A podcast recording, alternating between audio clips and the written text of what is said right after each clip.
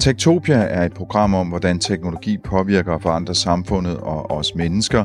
Tektopia er produceret på Radio 4 af Ingeniørforeningen IDA med støtte fra Innovation Center Danmark, Messecenter Herning og IDA Forsikring. Mit navn er Henrik Føns, og det er mig, der bestemmer i Tektopia. Du har formodentlig hørt om influencers, folk med tusindvis af følgere på sociale medier som Instagram og YouTube, hvor de ofte reklamerer for produkter som tøj, sko eller sminke. Børnelokker, dem har du sikkert også hørt om, også den digitale af slagsen, de kaldes for groomers, fordi de gradvist overtaler mindreårige til sex, når de mødes i digitale rum. Men politiske influencers, der bruger groomerens metode til at radikalisere børn og unge, til at have feminister og jøder og til sådan helt generelt at destabilisere samfundet, måske gennem vold og terror, ja, dem har du måske ikke hørt om eller mødt. Men muligheden for, at dine børn har mødt politisk influencer på en social medieplatform, den er ganske stor, og den vokser. Tektopia stikker i dag snuden ned i de mest ubehagelige og mørke dele af det digitale liv for at finde ud af, hvad der foregår, når børn og unge bliver radikaliseret. Med mig i studiet har jeg tre gæster, og øh, den første er Jon Christian Lange, som er seniorrådgiver hos Red Barnet og ekspert i børns øh, digitale liv. Og du er også en del af et nyt projekt, der hedder Livet på kanten. Er online på kanten, ja. Online ja. på kanten, undskyld. Ja, ja. og det, øh, altså en stor del af mit virke har jo været at, at, at kigge på øh, de inklusions- og eksklusionsprocesser, børn har, for eksempel i mobning og, og konflikter, og også hvor de ender over vores øh, hotline imod øh, øh, seksualiseret og børnepornografisk materiale, som jeg har været en del af i rigtig mange år. Øh, og, og derfra kunne vi se, at der var nogle ret store tråde i forhold til, at børn blev groomet til seksuel misbrug, øh, og øh, vi kunne se, at der var nogle af de samme tendenser og samme øh, metoder, der blev brugt, når man blev groomet til radikalisering for eksempel.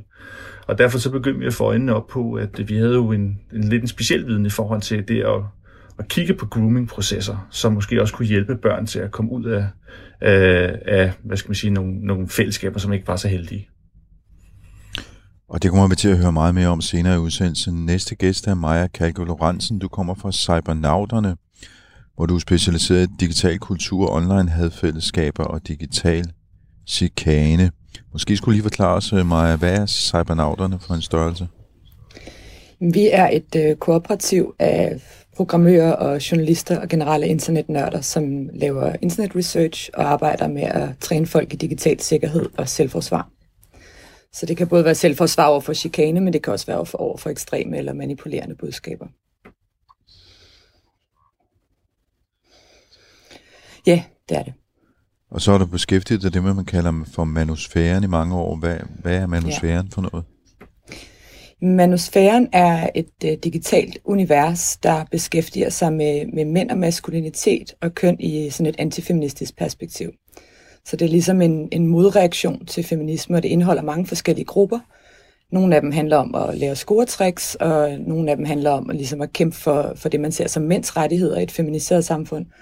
Og så er der også nogle grupper som de her incels, som jeg ved, at Christian kan sige meget mere om, fordi at de har lavet en undersøgelse om det her for nylig, som er mænd, der er frustreret over ikke at kunne få øh, seksuel og romantisk opmærksomhed for kvinder, og ligesom mobilisere sig omkring det. Og den dansksprogede manusfære skrev jeg special om tilbage i 2007, så det er, det er ligesom nogle forer, der har været der længe, men nu er de i vækst og konsoliderer sig, fordi man har mere mainstream sociale medier, hvor det er lettere at finde hinanden, end det var dengang jeg skrev om dem første gang. Der skulle man ligesom kunne lave sin egen hjemmeside. Men det er mange af de samme tanker, som der var dengang, som er der stadigvæk. At feminismen har taget overhånd, og at det er mænd, der er undertrykte, og ligesom der er en vrede og en frustration på feminister specifikt, men også på kvinder generelt, og mod, rettet mod andre mænd, som man ser som succesfulde. Og I har også lavet en rapport, der hedder Under indflydelse, hvor I beskriver nogle af alle de her sådan, undergrupperinger i, øhm, i det her digitale rum, og den vender vi også tilbage til. Sidste gæst øh, her på Skansen, det er Christian Mogensen fra Center for Digital Pædagogik, øh, og du er egentlig uddannet og kandidat i filosofi og psykologi, men arbejder meget med spil og medier og holder foredrag og, om, om, hvordan den digitale generations hverdag den er på nettet. Øh, Christian, øh, I har også lige skrevet en rapport øh, på Center for Digital Pædagogik. Det er rigtigt. Vi har skrevet øh, The Angry Internet, som vi har lavet sammen med eller for ligestillingsministeriet, som dengang lå det ene sted, i dag ligger under beskæftigelsesministeriet. Men det vi har prøvet at gøre, det er at, at sætte det der magiske tal på, hvor mange af de her meget vrede, måske voldsparate mænd er der i de nordiske lande på nogle enkelte platforme. Vi har så kun kigget på en håndfuld af dem, fordi rent teknisk så lader det sig meget sjældent gøre at, øh, at hente data ud fra sådan de mørkeste afkrog af, af manusfæren, som Maja også snakket om. Men det har jeg alligevel prøvet på, og det skal vi også høre mere om senere i udsendelsen. Du lytter til Tektopia med Henrik Føns. Jon Christian Lange, øh, lad os starte med en oplevelse, du havde, fordi øh, i dit daglige arbejde, som du selv fortalte med, øh, med øh, hos, hos Red Barnet, der har jeg også kigget på det digitale liv, som børn har. Og du øh, har på et tidspunkt skrevet ud i nogle af de her grupper for at øh, få kontakt til nogle af de mennesker, der beskæftiger sig med, øh, med det her øh, og du fik en masse hademails og ting. Kunne du fortælle os lidt om den episode? Jamen altså, jeg havde jo, hvad skal man sige, stødt på de her forer øh, igennem de sidste 10 år, fordi øh, på vores øh, hotline mod børnepornografisk materiale, der kom der jo tit rapporter ind, for eksempel fra, fra øh, for eksempel 4 øh, hvor øh, der blev delt forskellige billeder, som var ulovlige. Øh, og, øh, og derfor så kendte jeg jo godt lidt til nogle af de grupperinger og miljøer, der var derinde. Så i forbindelse med, at øh, vi begyndte at kigge mere og mere på de meget voldsomme eksklusionsprocesser, der var, øh, som øh, kølvandet på Offensimentum for eksempel, og, og, øh, og egentlig bare digital mobning generelt, øh, så stødte vi ind i den her ekstremt hadfulde tale, som blev mere og mere aggressiv, øh, og som poppede op på mainstream-platforme. Og vi kunne se, eller vi havde en, for, hvad skal jeg sige, en formodning om, der sikkert lå rigtig meget bag den vrede. Og så, øh, hvad nu det hedder, så, så lavede jeg en aftale med øh, øh, unge pædagoger, som skulle lave en, øh, en artikelserie omkring netop hadtale og radikalisering, at jeg ville prøve at se, øh, hvad der, om jeg kunne få fat i sådan en ung person, som havde ytret sig så meget, for at høre, hvad der lå bag. Der må ligge en historie bag. Øh, så derfor så skrev jeg og helt anonym, for jeg vidste godt, jeg havde en forventning om, at der ville ske. Øh, men jeg skrev, at øh, øh at, øh, altså under opdægte navn, at øh, jeg skulle lave en artikel. Jeg ville rigtig gerne forstå, hvad det var, der lå bag, når man kom med så øh, ekstreme ytringer. Om der var nogen, der havde lyst til at snakke, fordi jeg skulle lave en artikel. Øh, og så lød de der tre måneder, øh, så øh, jeg havde virkelig sølvpapirshatten på, så jeg gik ind og, la- og lavede en, en fake mail og gjorde det på, hvad skal man sige, på måder, så det ikke kunne spores tilbage til mig i hvert fald. Der fik jeg over 30.000 hade mails. Jeg havde skrevet øh, både på dansk og på engelsk, og jeg fik også omkring et par hundrede dødstrusler eller sådan et eller andet. Men der var også tre personer, øh, som henvendte sig og sagde, at det ville de faktisk rigtig gerne snakke om. Øh, og det lykkedes det, mig så at få fat i det, det, lyder det lyder jo virkelig voldsomt, altså 30.000 havde med en, så hvad sagde du, to, 200 dødstrusler? Ja, sådan cirka deromkring. På et eller andet tidspunkt, så stopper man med at tælle. Altså, men, men jeg, øh, men jeg, altså, jeg jeg kendte jo mønstre, altså kan man sige, gennem de 10 år, hvor jeg har beskæftiget mig med det, hvor det virkelig er gået galt. Øh, der kunne jeg godt se, at det var et mønster, der var, altså vi har før haft sager barnet, hvor vi har haft over 50.000 hademails på, på 6 uger for eksempel. Øh, så så vi, jeg vidste godt, at det, det kunne da sagtens ske. Altså det var også derfor, jeg havde sådan, at jeg skulle heller ikke have mit rigtige navn ud. Øh, og så, så folk kunne finde ud af, hvor jeg boede henne. Det havde jeg også set, hvad der ligesom kunne, hvad det kunne føre til. Så, og jeg havde også snakket med nogle DR-journalister, som to kvinder, som uh, simpelthen måtte gå under jorden i en periode, fordi de havde kommet for tæt på. Så jeg vidste, at det var virkelig nasty, det her. Men at samtidig havde jeg også, altså, jeg skulle høre, hvad, hvad fanden sker der, siden man skriver sådan noget, og siden man synes, at det er okay at skrive sådan noget.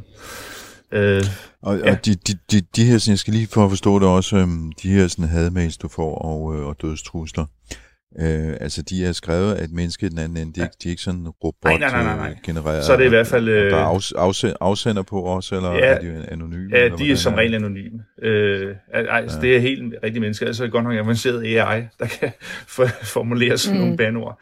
Øh, men det, altså, kunne godt, det kunne godt være, at det var sådan en generel tekst, man bare... Ja, selvfølgelig. Nej, det var, det var rigtig meget forskelligt. Primært i forhold til, hvorfor jeg blandede mig. Øh, og, øh, for, og fordi jeg jo også, hvad skal man sige... Øh, det, det, jeg jo så senere fandt ud af, jeg var måske øh, sådan relativt blank, inden jeg gik ind øh, i forhold til at forstå det her, det er jo, at der er også et kæmpe fællesskab. Altså, jeg vidste jo godt, øh, jeg har også grint nogle af de meget hardcore jokes, der kan være på 4 Jeg kan godt se, at der er mulige, andre, mulige andre ting også. Øh, men når man sådan prikker lidt til der, hvor øh, nogen bliver, hvad skal man sige, på kanten af, at det ikke bare er sjovt mere, men det er faktisk dødsens alvor, så skal man også, øh, skal man også passe lidt på.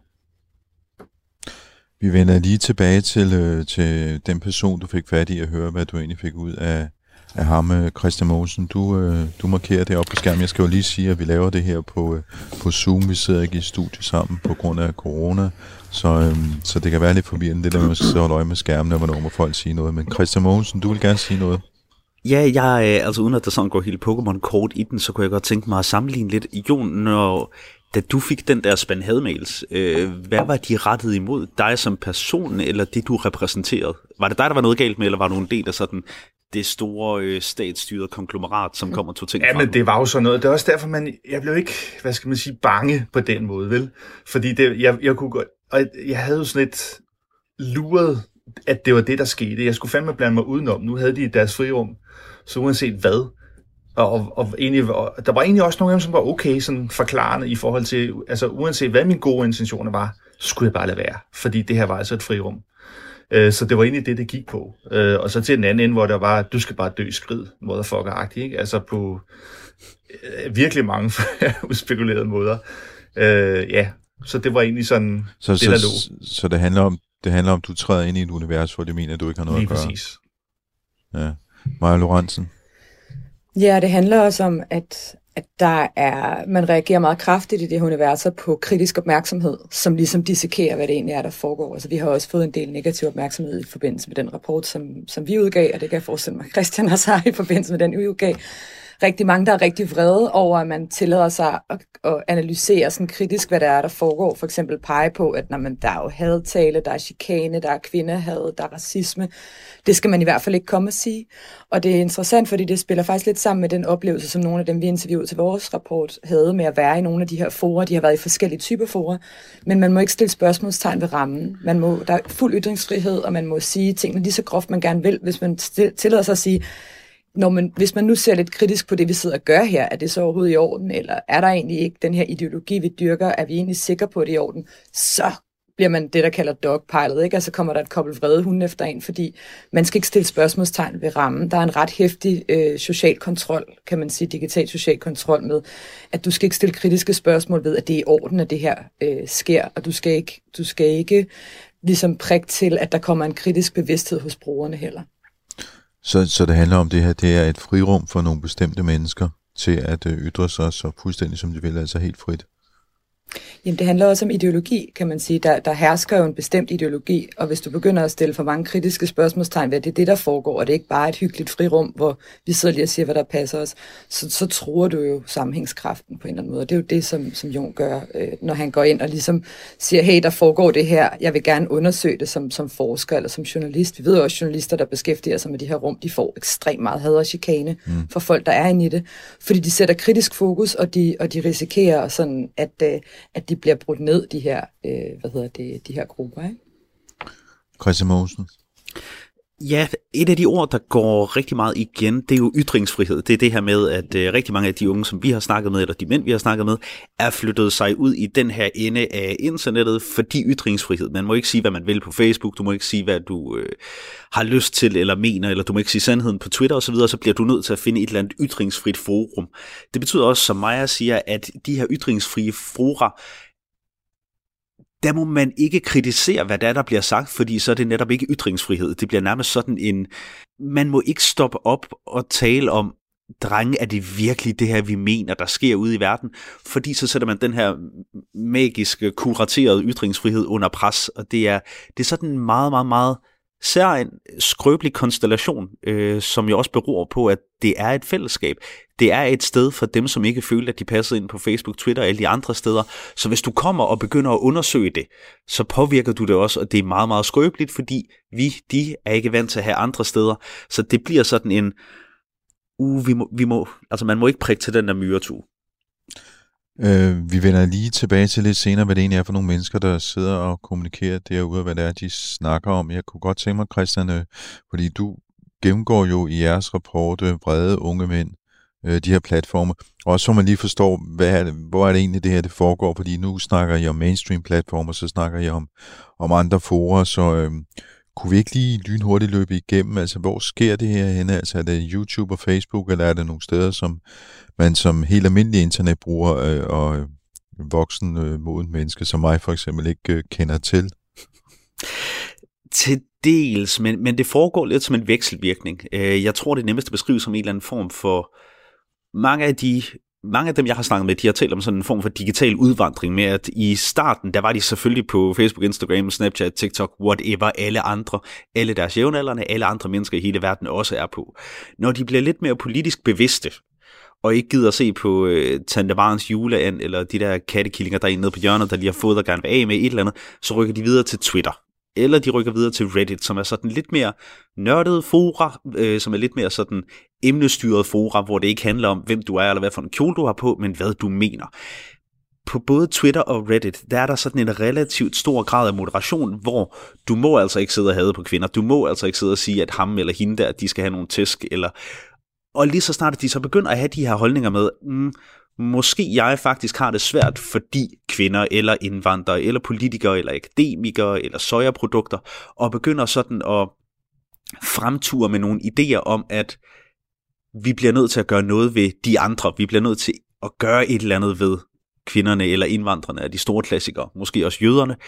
Så bliver de modereret, så bliver de skruet ned for, så bliver de lukket eller muted eller cancelled, og så rykker de videre fra Twitter og Reddit. Så kommer de over på 4chan klassikeren. Det er sådan det store opsamlingsnet, hvor alle efterhånden har været.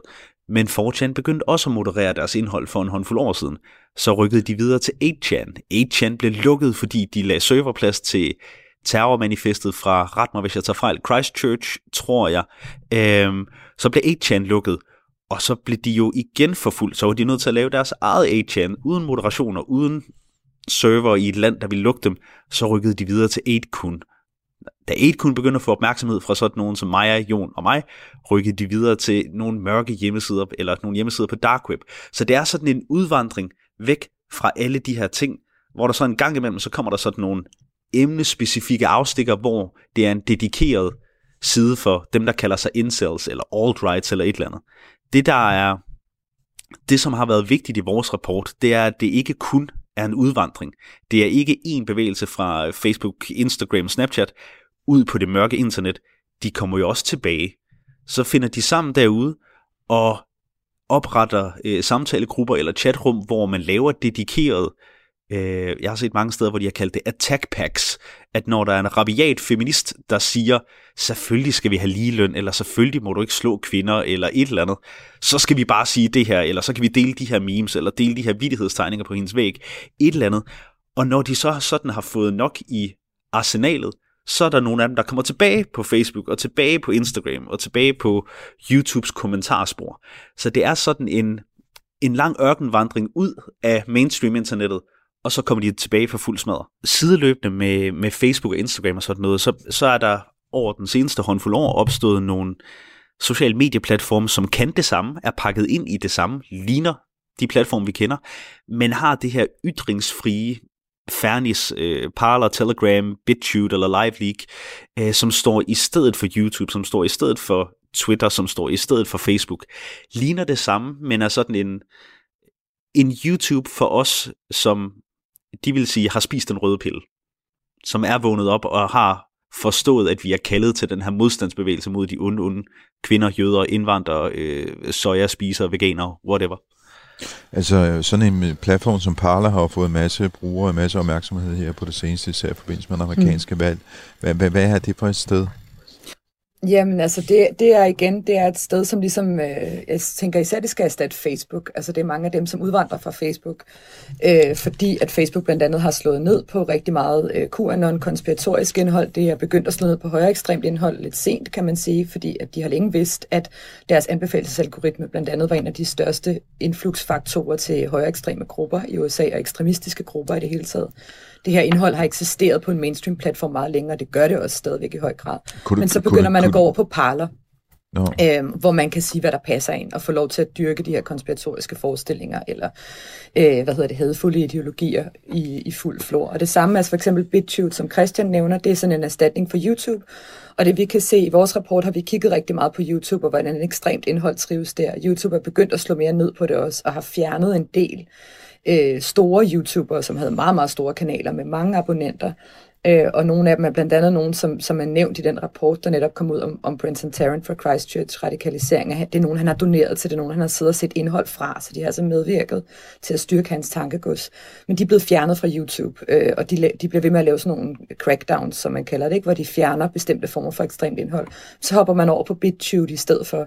Og det, som vi kan se, er, at de her store influencer, som, som øh, har øh, meget, enten meget chauvinistiske eller decideret ekstreme holdninger. Vi har så kigget på det i forhold til køn specifikt, men de har også tit ekstreme holdninger til andre ting ved siden af køn de er godt klar over, at de hele tiden ligger på vippen til at blive fjernet, så derfor så promoverer de også deres konti på andre platforme. De fleste af dem har en multiplatformstrategi. De har en stor YouTube-kanal, der siger, husk at hoppe over min Telegram-gruppe, for det kan være, at jeg bliver fjernet lige om lidt, fordi folk er ude efter vores ytringsfrihed, eller husk, I kan også se videoerne herovre på BitChute, eller husk, jeg har også en Instagram, og så, øh, hvad hedder det, man prøver ligesom at være på så mange platforme som muligt, fordi man ved godt, at på et eller andet tidspunkt risikerer man at ryge af mainstream-platformen, og så vil man gerne trække sit publikum med over på de her mere frie platforme, men hvor der også er en meget mere ekstrem diskurs. Hvis du kigger ind på BitChute, så er det altså sådan hardcore øh, Hitler-videoer, og antisemitiske konspirationsteorier, øh, voldsforherligende indhold i meget højere grad. Man kan så også se, at der er væsentligt færre, der kommer med over. Vi kiggede for eksempel på sådan en som øh, Stefan Molyneux, som er filosof og, og en stor figur inden for, for alt-right, som er blevet fjernet fra YouTube. Og hvis man kigger på hans videoer på BitChute nu, så har de 6-7.000 views, hvor de før havde mange 100.000 views. Så der er altså noget publikum, der forsvinder, når man fjerner de her mennesker fra mainstream-platformen. Nu nævner du selv uh, influencers. Øh, de optræder også hos en anden, og de optræder vel egentlig også hos uh, mere sådan mainstream influencers. Ja, altså det, det som, øh, som vi kan se med de her influencer, fordi en ting er, Christian beskriver rigtig godt den her rejse, som nogle individer har, men noget, der også spiller en rigtig stor rolle i den rejse, det er, at der er nogle store figurer, som øh, deler ideologisk indhold, som er det, man kan kalde politiske influencers, som er med til at skabe nogle bestemte debatter øh, på sociale medier med til at tiltrække publikum til at starte med, og som man så kan gå ind og øh, for eksempel fiske i deres kommentarspor efter at sende dem for eksempel længere ud til højre. Vi kan se vores undersøgelser af Nordfront, for eksempel den, den nordiske øh, nynazistiske bevægelse, sidder og fisker i kommentarsporene på YouTube under politisk radikalt indhold, fordi de tænker, at der er måske nogen, der er interesseret i vores budskaber her. Øhm, men man kan se, at de bruger, de her politiske influencer, bruger mange af de samme strategier, som mainstream influencer gør. Man kommenterer på current events, man laver react-videos og meme-reviews. Øh, man, man, man bruger de her, sådan, hvad kan man sige, lokkemadsteknikker, der får folk til at klikke. Og så prøver man også at optræde i øh, mere mainstream influencers videoer. Så der er mange, for eksempel, øh, YouTuber, som måske er mere sådan klassisk konservativ, men som så inviterer folk, der har mere ekstreme holdninger ind for at diskutere dem, og dermed introducere deres publikum for nogle meget ekstreme influencer. Øh, og, og, og der kan man sige, at de fungerer ligesom klassiske influencer, de vil gerne have opmærksomhed. Vi kunne også se, at dansk mainstream YouTube også forholder sig til at feature øh, for eksempel indhold som, som fra en for Rasmus Paludan, fordi han er et meme, og han er interessant, og dermed så introducerer man i mainstream gamer YouTube folk for ham som figur, fordi han er sjov, og man, man kommenterer ligesom på, at han er blevet et opmærksomhedspunkt, men dermed så er man også med til at give ham et publikum. Christian Mogensen?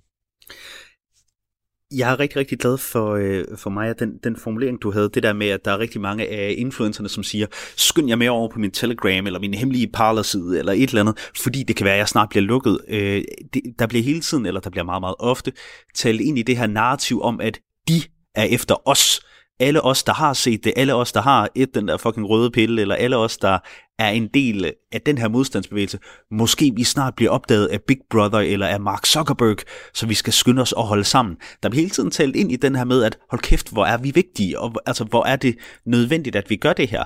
Øhm, og når de så bliver lukket, fordi de sidder og og øh, hvad hedder det, og gør den her hadtale, eller chikane, eller konspiratoriske tankevirksomhed, så kan de jo over på deres parlergruppe eller i, i, på Telegram sige, aha, det var jo det, jeg sagde, nu opdagede de os, kom, vi er kaldet til den her kamp. Og altså, det, det taler ind i sådan en meget romantisk forestilling om at være altså David imod den her, det her store tech-virksomheds Goliath helvede, der kommer væltende. Jeg kan godt forstå, at det, altså, det lyder altså besnærligt. Jeg vil gerne være en del af en modstandskamp i år 2020. Prøv, det er super appellerende, og jeg kan huske den der taktik. Jeg arbejdede tidligere i Greenpeace som øh, mobiliseringsansvarlig og campaigner. Det bedste vi vidste var øh, at lave en, en kampagnevideo, som øh, havde en eller anden stor virksomhed som hovedperson, og de så fik fjernet vores videoer af copyright-hensyn. For så kunne vi skrive ud til alle vores, sådan, se den her video, hvis Shell ikke har der til at se og så kan du med tro, at den fik trafik, og så dukkede den op overalt på internettet, for det er en super god historie. Det her er der nogen i etablissementet, der ikke vil have dig til at se. De vil gerne undertrykke din ytringsfrihed. Og det er, så tænker man, at man er en del af modstandsbevægelsen, netop som du siger, Christian, og det er super effektivt til at mobilisere folk til faktisk at tage det der skridt til måske at hoppe over på en ny platform, hvor man så bliver mødt med noget væsentligt hæftigere indhold. Du lytter til Tektopia med Henrik Føns, Ja, du lytter til Tektopia. I studiet er i dag Jon Christian Lange, seniorrådgiver hos Red Barnet, Maja Kalke Lorentzen fra Cybernauterne og Christian Mogensen fra Center for Digital Pædagogik, og vi snakker om radikalisering af børn og unge på nettet. Jon Lange, du nævnte til at starte med, at øh, du har beskæftiget dig med øh, det, man kalder for grooming, og det faktisk er en, øh, en tendens, der går igen her i det politiske univers. Kunne du ikke lige forklare lidt om, hvad, hvad, hvad er grooming jo, for noget? det skal jeg nok, og det er jo meget i tråd med det, som øh, der bliver snakket om her, fordi det er lige præcis det, I taler om der, som vi har fokus på i, på, på vores kursus. Det er, at man kunne genkende øh, den grooming-proces, der er. Altså grooming er jo, hvad skal man sige, altså, man skal forstå det som en proces, og det er også derfor, det er sindssygt svært at finde ud af, hvornår man lige bliver groomet. Øh, vi har sådan et eller andet sted mellem 25 7 trin i forhold til, at øh, der er noget kontakt øh, først. Ikke? Altså man, der, man skal ligesom være hvad skal man sige, øh, et eller andet sted i livet, hvor man er modtagelig for budskaber og forklaringer om, øh, at man har det skidt. Øh, social grievances, som Christian og, og mig også er inde på, det der med, at, at der er nogen, der skal være skyld i, at jeg har øh, en anden en, øv, en øvfølelse omkring et eller andet. Så jeg vil godt have forklaring på, hvordan jeg kan få det bedre. Og jeg synes, samfundet er, det er mega komplekst, at der ikke nogen kan give mig nogle klare retningslinjer. Øh, og så er det så, at, øh, at det kan man jo så på mange af de her influencers. De stiller netop de her retningslinjer øh, til rådighed. Øh, og i løbet af den her grooming-proces, så er der det der med, at man skal, man kalder det den eneste ene fase, eller man er specielt udvalgt. Og det er jo så der, når man vælger at hoppe over på de der ikke-mainstream fora. Netop fordi det er øh, 25.000 følgere, så er vi den her gruppe. Se, vi er også med de ægte følelser, det er også med øh, de ægte holdninger. Øh, så nu er vi noget her. Og, øh, og som ham, øh, den unge mand, som jeg talte med, så er det også der, hvor man ligesom siger, yes mand, her er jeg inde i det fællesskab som jeg ikke har fået lov til at være med i før. Nu er det her. Jeg har søgt det i fire år. Nu er der inde nogen, som synes, det er fedt, jeg er her, og jeg kan lov, være lov til at være mig selv. Øh, og derfra kan man så lave de der attack packs. Altså, så kommer man over i, så aftaler man så, hvad er det, som man skal gøre? Hvad skal vi gøre som gruppe? for at vi ligesom fremstår som noget, så vi er måske volds- eller i hvert fald handlingsparate til at gøre noget. Og det er jo så, så er vi helt op på det næst sidste trin i grooming, øh, hvad skal man sige, øh, kæden der. Øh, og, det er, og der har, det har jo stået på i, i lang tid. Nogle af de her grooming-processer kan være flere måneder, og nogle flere år. Øh, og vi kan se, at det, at man ligesom begyndte at, specielt under coronakrisen her, begyndte man at prime, altså også de meget små børnemedier, altså lige fra Lego til Movistar Planet, i forhold til, husk nu at blive uvenneragtig. Øh, men, hvor man sådan lægger, altså når, når, når børn øh, egentlig er, bare har lyst til at lege og være sammen, og så snakker de om fodbold, så kommer der kommentarer, eller synes I ikke også Brøndby-svin er nogle idioter? Øh, altså som bevidste kommentar i forhold til at ødelægge dialogen og, og skabe den her uenighed. Og så når man er allermest op af skændes, så kan man så sige, og over hos os, der har du, har du faktisk lov til at sige, at Brøndby er nogle svin. Ikke? Øh, og så kan man se, at man allerede sådan de der 9-10-årige børn øh, bliver ligesom, hvad skal man sige, målrettet markant det at være vrede mod nogen. Så den der vrede, den bliver ligesom er blevet nøset rigtig meget under coronakrisen, kan vi se. Så det vil sige, at der sidder simpelthen mennesker og, øh, og følger med i, hvad, hvad børn snakker om øh, på Lego-websites? Eller? Det, altså alle sig, nu er det bare, Lego var en af platformen, ikke? Altså, men det er mange, mange plat, øh, platforme og, og spilsites, der er. Altså man kalder dem, altså fordi det, det man skulle spørge, at det kan være, lige så vel som det er grooming til seksuel misbrug, der kalder man dem sharks. Det vil sige, der er de bare der, og de holder øje med de børn, som, som har det skidt, og så prikker de til dem, så de får det endnu værre. Endnu værre.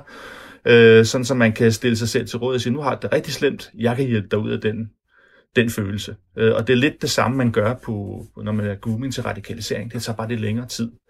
Øh, fordi at der, hvad skal man sige, man skal også øh, overtale omgivelserne, eller barnet skal også kunne overtale sine omgivelser til, at det er okay, jeg er her. Og det er, og, og det er lidt mere hemmeligt, når det, det er grooming til seksuel misbrug, og det er lidt mere åbenlyst, når det er grooming til radikalisering, fordi der er som regel en gruppe omkring en, der støtter op om de holdninger, du har. Christian Mogensen, der er den, den her tankegang med at tale, starte med at tale fjendebilledet op, øh, ser vi rigtig mange steder. Altså meget i de øh, incel-netværk, som vi har talt med i vores øh, undersøgelse. Incel er involuntary celibate, øh, mænd, der ser sig selv defineret som ude af stand til nogensinde at komme i nærheden af en chance for at få en romantisk eller seksuel relation mange af de første tråde, øh, brugerne kommenterede på derinde, det var, hvis der var nogen, der slog op, er du også engang blevet droppet af en kvinde? Øh, og så, altså, hvis du er, hvis du lige er blevet droppet af en kvinde, og sidder derhjemme og tænker, gud, det er mig, så har du måske ikke øjnene op for, vi er alle sammen blevet droppet af en kvinde, af 10 kvinder. Altså, det, øh, det er et livsvilkår, men når du er ung og modtagelig, så er der nogen, der, så er det relativt nemt at tale det vi som altså røver gamle præboomers øh, ved er sådan hverdagskost i ungdomsårene, nemt at tale det op som sådan en eller anden konspirationsteori om, at kvinder har droppet dig for at såre dig, fordi kvinder mødes hver tirsdag eftermiddag nede på hjørnet og aftaler, du skal fandme have det dårligt. Det giver god mening, når du er 15 år og lige har fået dit hjerte knust første gang, eller tiende gang, eller et eller andet. Men når man taler det der fjendebillede op, så tilbyder du jo samtidig, at du har nogen at tale med. Altså den der sjælsdybe, ensomhed, som man kan opleve.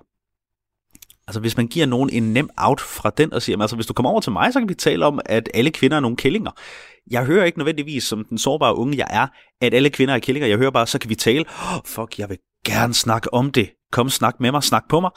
Og så er man i den der proces, som Jon han beskriver så fint. Maja Lorenz.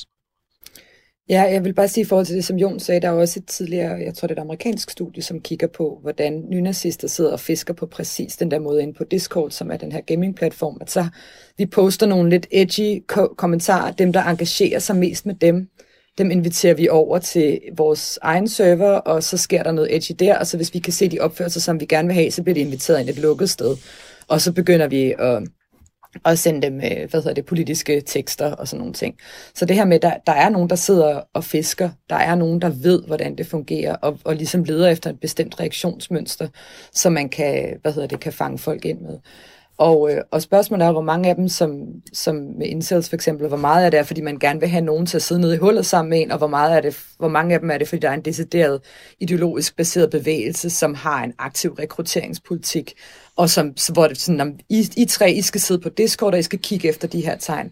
Det ved vi ikke endnu, og det er jo noget, som vi skal, altså, vi skal vide meget mere om, og der har jo været et rigtig stort fokus på sådan islamisk radikalisering de seneste mange år, og nu begynder der heldigvis at komme et større fokus på, at der også er andre ekstreme grupper, som sidder og rekrutterer og radikaliserer blandt børn og unge, også blandt ældre for den sags skyld.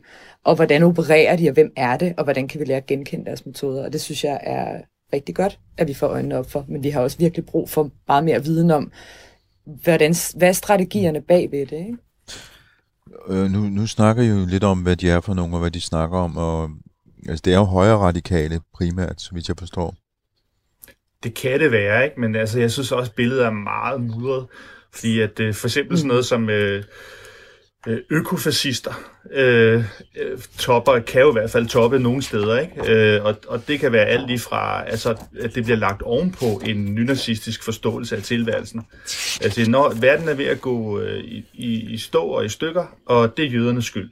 Men det kan også være økofascisme, kan også være, verden er ved at gå i stå i stykker, lad være med at spise dyr. Øh, Øh, altså, der, der, der kan være mange ting, der er over. Det mudrer billedet sindssygt meget, men det, der ligesom er lidt tendensen, synes jeg, som jeg stødt på, nu må I, øh, Christian Meyer ligesom øh, øh, ret mig, men jeg synes, der er sådan en, en nogle gange lidt en, en, en klik selv, samle selv radikalisering. Altså, man, man kan sætte bits and bytes forskellige steder fra til at passe ens overbevisning. Så nogle gange synes jeg, at det bliver meget mudret billede, og så skal man lige søge lidt på, når det er faktisk, fordi du er nazist. Men du har sagt helt vildt meget, som også passer på, at du kunne være alt muligt andet. Så det er ikke, hvad skal man sige, en defineret politisk ideologi, det her, det har udgangspunkt i? det, det er alle mulige ideologiske grupperinger. Jeg vil sige, der er klart en, altså et generelt øh, hvad så det, underbygning af, at det er højere radikalt.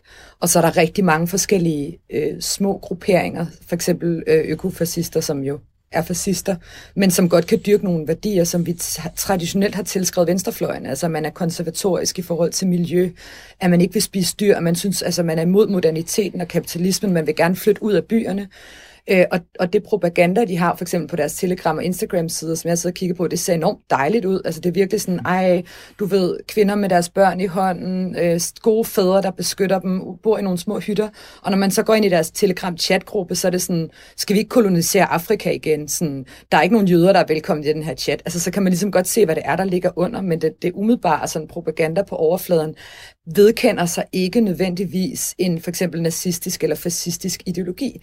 Det handler om et eller andet tilbagevenden til noget oprindelighed.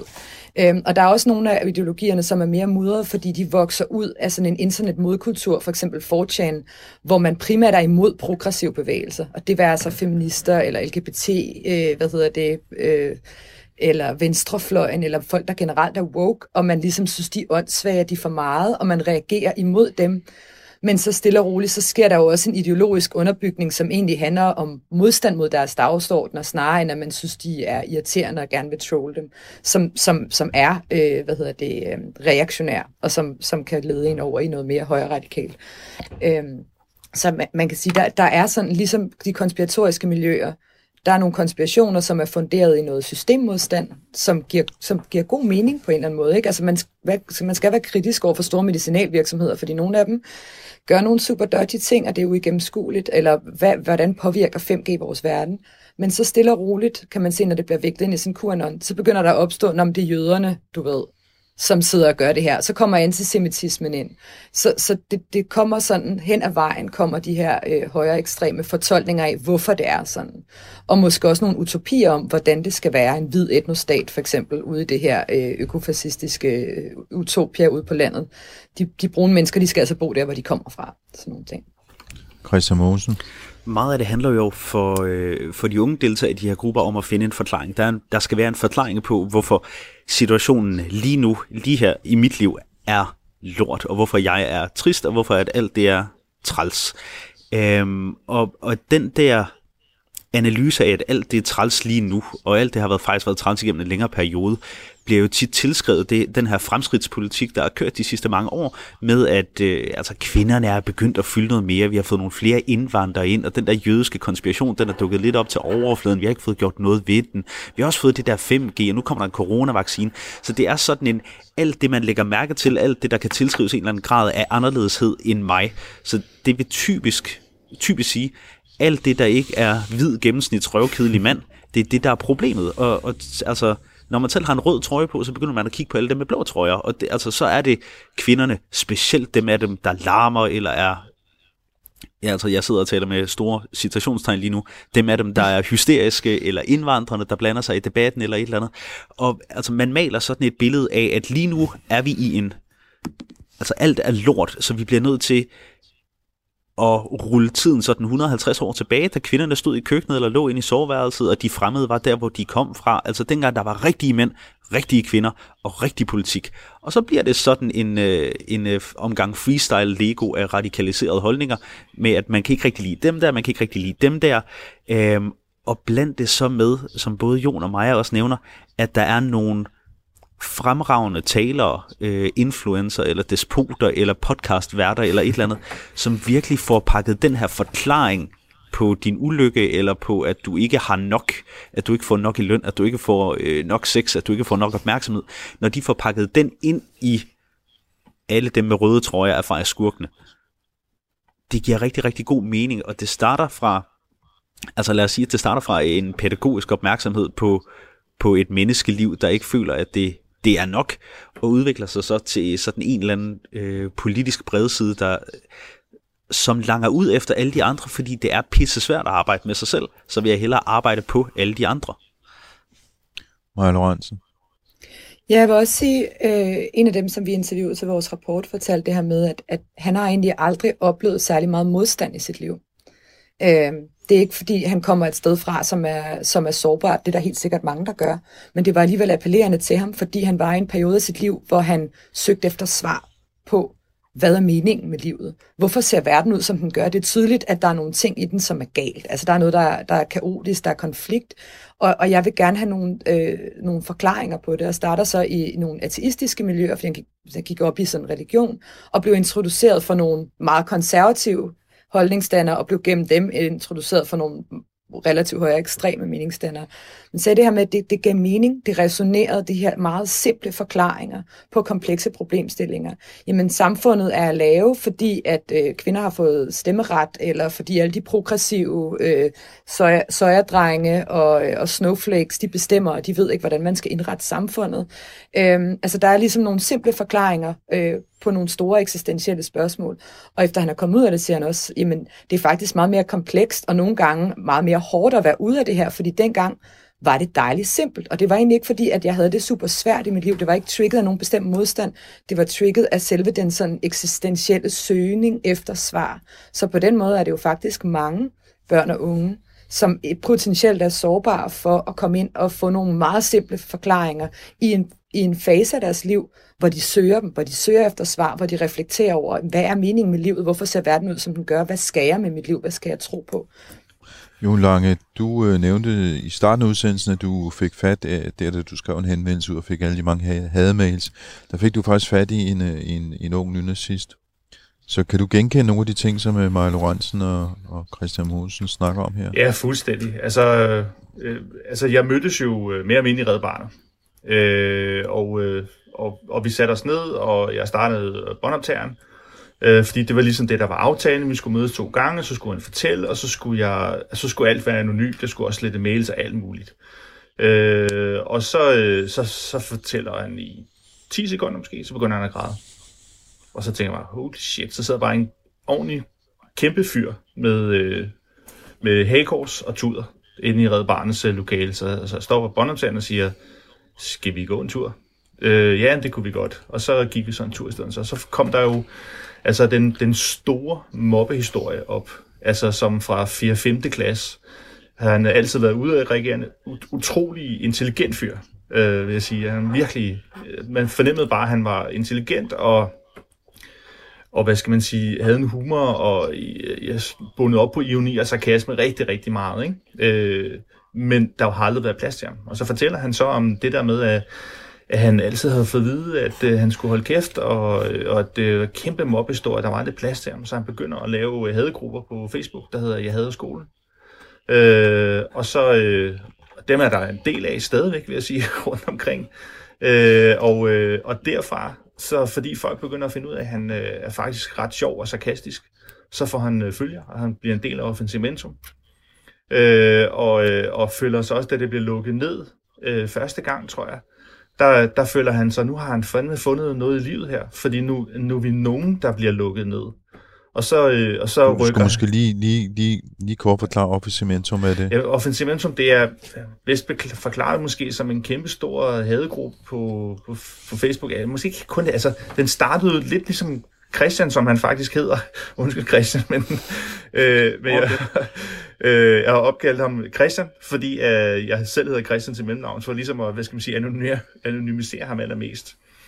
Øh, men øh, øh, altså et fristed et eller andet, hvor øh, det, det var det, ham Christian her søgte, hvor man egentlig kunne være politisk ukorrekt og komme med kommentarer.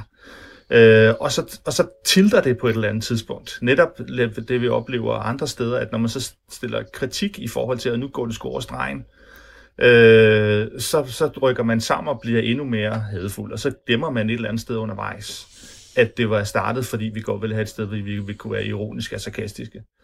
Øh, og, og, og det var så der, han hang ud, og så kom videre fra det sted til... Så kom han så videre også på nogle af de andre lukkede forer, som er øh, altså væk også selvfølgelig fra 4 Og på et tidspunkt, øh, det der ligesom er for Christian her, der ligesom gør det nok for ham, det er, at, øh, at andre så vil bestemme over ham, hvad han så skal sige og ikke må sige. Så gider han ikke. Så har han, får han sådan helt tiks i forhold til øh, sin øh, mobbehistorie. Det er faktisk der et eller andet sted. Plus så at selvfølgelig hans øh, familie endelig får øjnene op for, at han er ude i noget lort.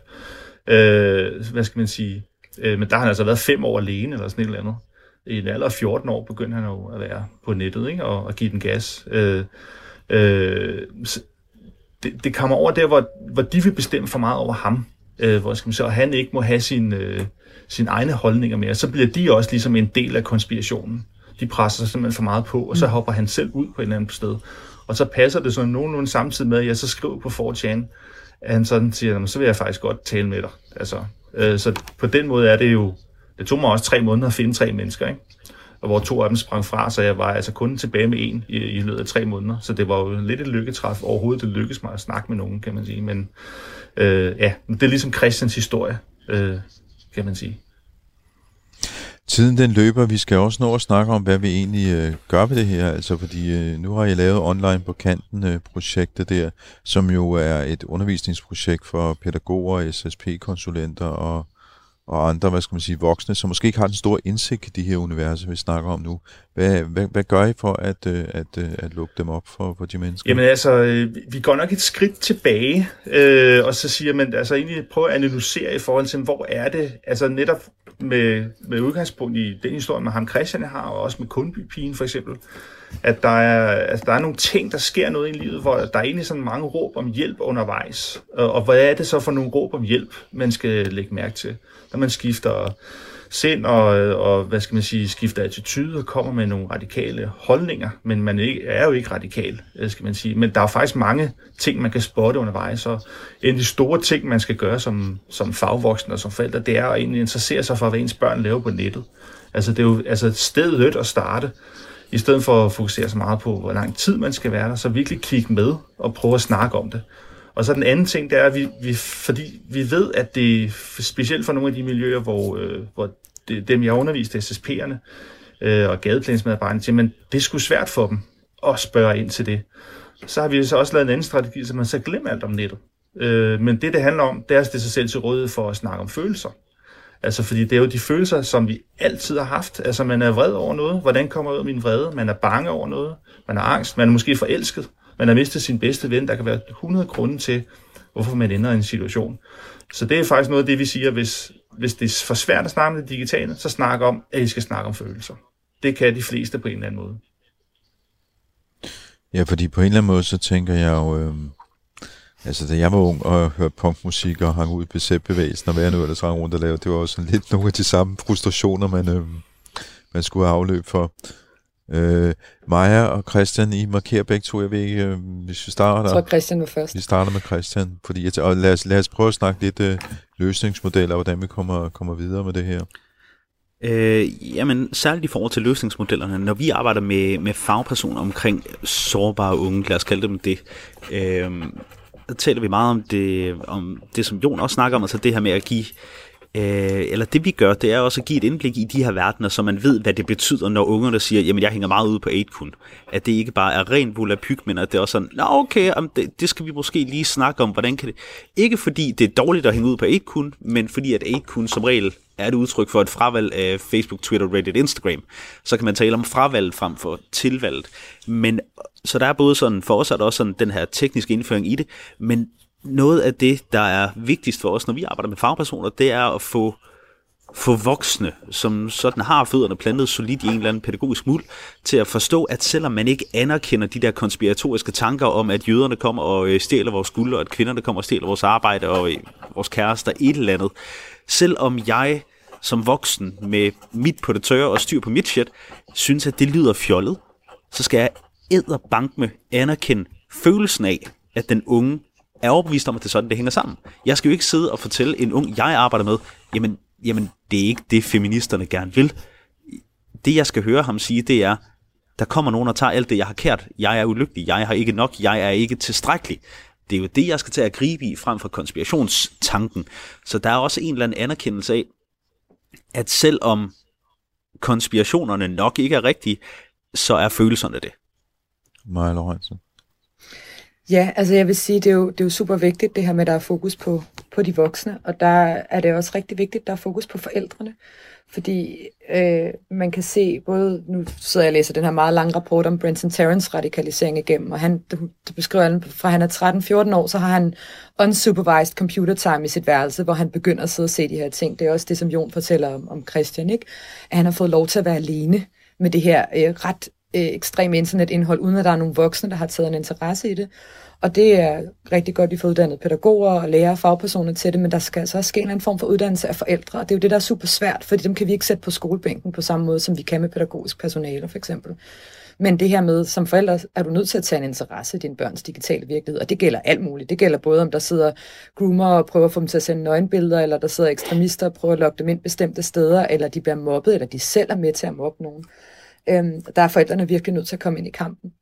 Og så er der selvfølgelig nogle unge, hvis forældre ikke kan det, og de er ekstra sårbare, fordi de ikke har den der ballast derhjemme. Og der er det virkelig vigtigt, at, at fagpersonalet kommer mere på banen i forhold til at give dem noget ballast, fordi de er nemmere at manipulere. Der er ikke øh, den her voksen interesse hjemmefra overhovedet. Ja. Øhm, og så tror jeg også, det er rigtig vigtigt det her med, at, at den her edginess, vi tit ser i det her, altså det her med at, at sige ting, der, er, øh, der går til stregen, eller er grænseoverskridende, eller er provokerende, det er, det er både en del af internetkultur, men det er også en del af teenagekultur. Så vores måde at håndtere det på som voksne, er det rigtig vigtigt, at vi ikke lukker det ned, som i sådan, det må du ikke sige, du skal skamme dig, og så lukker vi den der. Det er faktisk ret vigtigt at åbne op for, hvad er det, der foregår, når du synes, det er sjovt? Hvad er det egentlig, de der ting betyder? Så synes jeg udover det, at det er rigtig vigtigt at være opmærksom på, at mange af de ting, som de ser, altså de holdninger, som bliver delt, som vi taler om inde på de her forer, de er altså også reflekteret i mainstream af voksne mennesker. Der er også voksne mennesker, der sidder og skriver debatindlæg om feminazier, øh, og om, øh, hvad hedder det, og dyrker sådan konspiratoriske forestillinger om muslimer og islam. Ikke så meget antisemitisk i mainstream danske, den dan, mainstream danske debat, det, det, det, har vi, det har vi ikke så meget. Men det kommer måske med, sådan, med, med altså udbredelsen af de mere konspiratoriske bevægelser. Så det skal vi også være opmærksom på, at når det ligesom reflekteres et eller andet sted af nogen, der har adgang til at vise spalter, så, så støtter det altså også op om de her narrativer. Øh, og det er vi også nødt til at være opmærksom på. Der sidder voksne mennesker og siger nogle af de samme ting, som får en mikrofon stukket op i snuden af journalister. Lige til sidst, øh, omfanget, hvor mange er det? Øh, er det danskere, er det udlændinge? Hvem er det, vi taler om? Altså det vi har fundet i, øh, i vores rapport, The Angry Internet, det er alt efter, hvordan vi, øh, vi skar vores søgekriterier til. Så i de nordiske lande, der kunne vi finde op til 850, øh, vi kaldte dem ekstremt misogyne forfattere. Øh, altså det er sådan en catch-all frase fra, fra nogen, der talte ekstremt grimt om kvinder øh, i et nordisk perspektiv. Altså ikke bare nogen, der sagde, jeg hader feminister, men nogen, der sagde, jeg hader feminister så meget at, eller jeg hader feminister så meget, at jeg bruger det her udtryk, eller et eller andet, hvor vi så har scoret barn øh, højere end altså mig har brugt udtrykket øh, feminazi, øh, men altså det er det de her helt forfærdelige udtryk, hvor feminister er nazister, men det har vi været nødt til ikke at have med i vores søgekriterier, fordi det er bare blevet mainstream. Det bliver brugt af alle. Altså, det er jo, altså, hvad er vi, to skridt fra Folketingssalen, eller et eller andet, hvor der ellers også er sådan antifeministisk retorik ret tit. Men vi fandt i de nordiske lande op til op til 850 forfattere, men så flere tusinde likere og lyttere og folk, der retweetede eller et eller andet. Faktum er, at vi ved det ikke. Altså, vi har øh, sammen med den analysevirksomhed, der hedder Analyser og Tal, øh, har vi prøvet at sætte tal på det, og det er ekstremt svært, fordi vi ved jo ikke, hvem der er hvem, jo længere vi kommer ud på nettet, men vi kan se øh, noget af det, der fyldt meget for os, det er flere og flere af de her udtryk fra manusfæriske netværk eller øh, andre af de her grupper, begynder vi også at kunne se i, øh, i gymnasieklasserne. Altså det her, det er noget, hvor der er en spillover-effekt, hvor i dag, der taler man om feminazis, man taler om, øh, om simps eller sojadrenge eller et eller andet. Øh, det her, det er bare ved at blive mainstream, og det er der, hvor vi rammer ind i den her digitale faldgruppe med, at det kan altid bortforklares med, at det var bare for sjov. Hvis der er nogen i en øh, gymnasieklasse, der sidder og siger, ah, men hende der, ej, men hun er bare sådan totalt en Stacy, hvor vi ved, at det er et udtryk fra incel-kulturen, øh, som betyder en kvinde, der bruger sex til at få det, som mænd ellers har bygget, så er vi jo sådan lidt, okay, det er sådan en rimelig påfaldende udtryk, vil du ikke forklare, hvorfor du bruger det? Jamen, det er bare for sjov. Og det kan altid bortforklares med, jamen det var bare for sjov. Fordi det er sjovt at være edgy.